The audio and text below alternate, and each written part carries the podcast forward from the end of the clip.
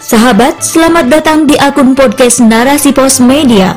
Saya Mai Rohma, inilah rubrik Opini. Senja Kala Negeri Matahari Terbit oleh Maman El Hakim, kontributor narasipos.com. Beredar berita tentang banyaknya rumah di Jepang yang tidak berpenghuni, bahkan tidak diketahui ahli warisnya karena yang empunya tidak memiliki keturunan.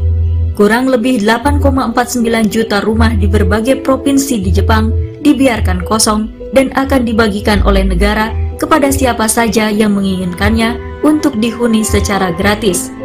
Sontak saja, berita tersebut menghebohkan jagat maya akhir-akhir ini, membuat banyak orang bertanya-tanya, kenapa bisa terjadi demikian?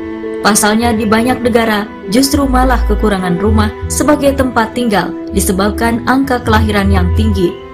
Sebut saja misalnya Indonesia.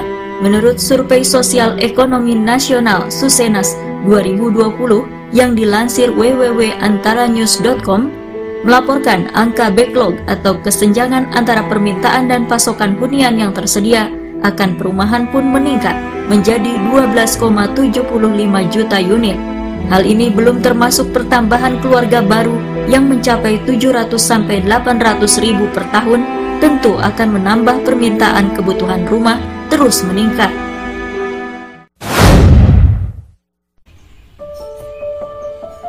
Minimnya angka kelahiran di Jepang Lain halnya dengan negara matahari terbit tersebut, Jepang saat ini berada pada titik nadir demografi karena angka kelahiran penduduknya yang kian menurun.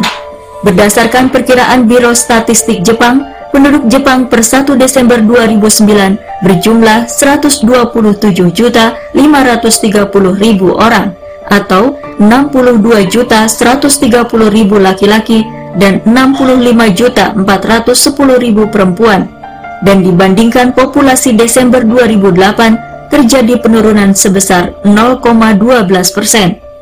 Secara rinci, tercatat per 1 Desember 2009, persentase penduduk di Jepang yang berusia 65 tahun ke atas sebesar 22,8 persen dari total populasi. Kemudian hasil sensus Januari 1997 memprediksi 27,4 persen populasi Jepang akan berusia di atas 65 tahun pada tahun 2025 dan bertambah menjadi 32,3 persen pada tahun 2050.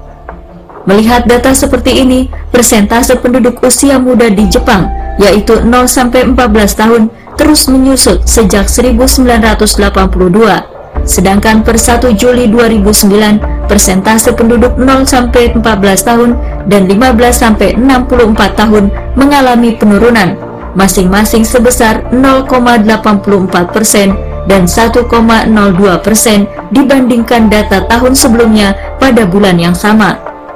Rendahnya angka kelahiran di negara yang menjadi kampionnya pengembangan teknologi canggih seperti Jepang tentu menjadi anomali kehidupan manusia yang dimanjakan dengan kemajuan teknologi namun mengabaikan unsur terpenting manusia setelah pemenuhan kebutuhan dasar hidup atau hajatul udawiyah yaitu pemenuhan naluri atau goriza manusia.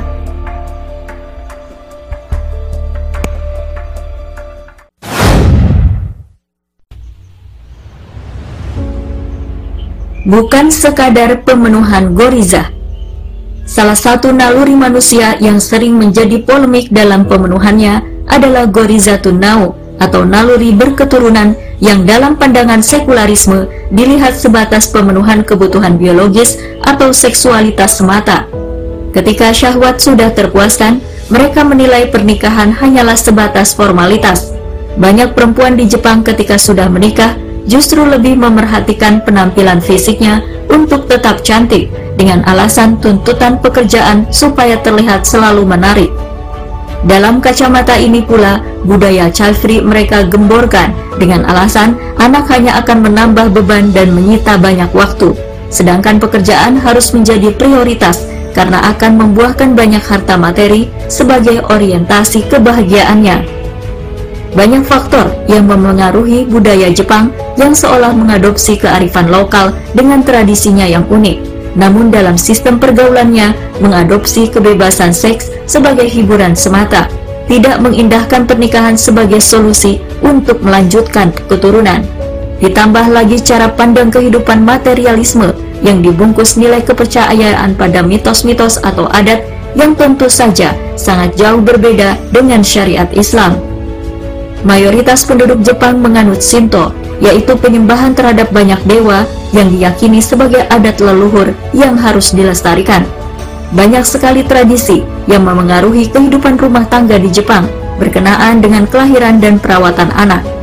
Salah satunya adalah tradisi Seijin Shiki, yaitu setiap anak yang memasuki usia dewasa harus diadakan ritual khusus, yaitu Seijin Shiki. Tradisi ini menjadi hari peringatan besar di Jepang, bahkan dijadikan hari libur nasional. Anak remaja yang menginjak usia 20 tahun akan memakai kimono formal untuk menghadiri upacara Seijin Shiki di kotanya. Setelah melakukan ritual inilah, anak-anak di Jepang akan diberi tanggung jawab untuk lebih produktif dengan capaian nilai materinya. Karena di Jepang, kesuksesan seseorang tolok ukurnya adalah kekayaan materi. Inilah cermin kehidupan kapitalisme yang berbalut tradisi agama lokal yang menjadikan kehidupan manusia terjebak pada nafsu duniawi semata. Budaya gila kerja dan kebiasaan buruk masyarakat dengan minuman kerasnya, sake, mereka mengejar kebahagiaan semu dengan cara pergaulan bebas. Banyak remaja di Jepang yang lebih memilih kehidupan seks bebas daripada menikah.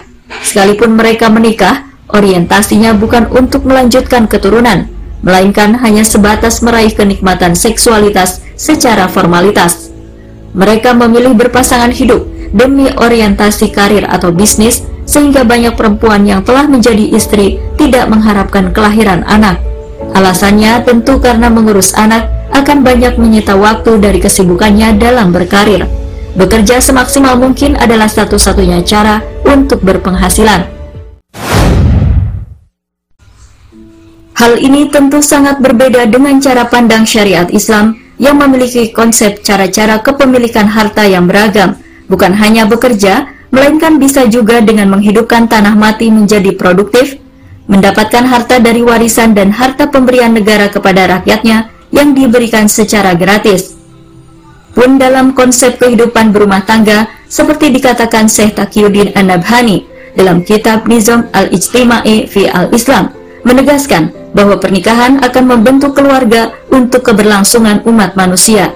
Islam telah menganjurkan, bahkan memerintahkan pernikahan karena dengan menikah akan terjaganya pandangan dan kemaluan.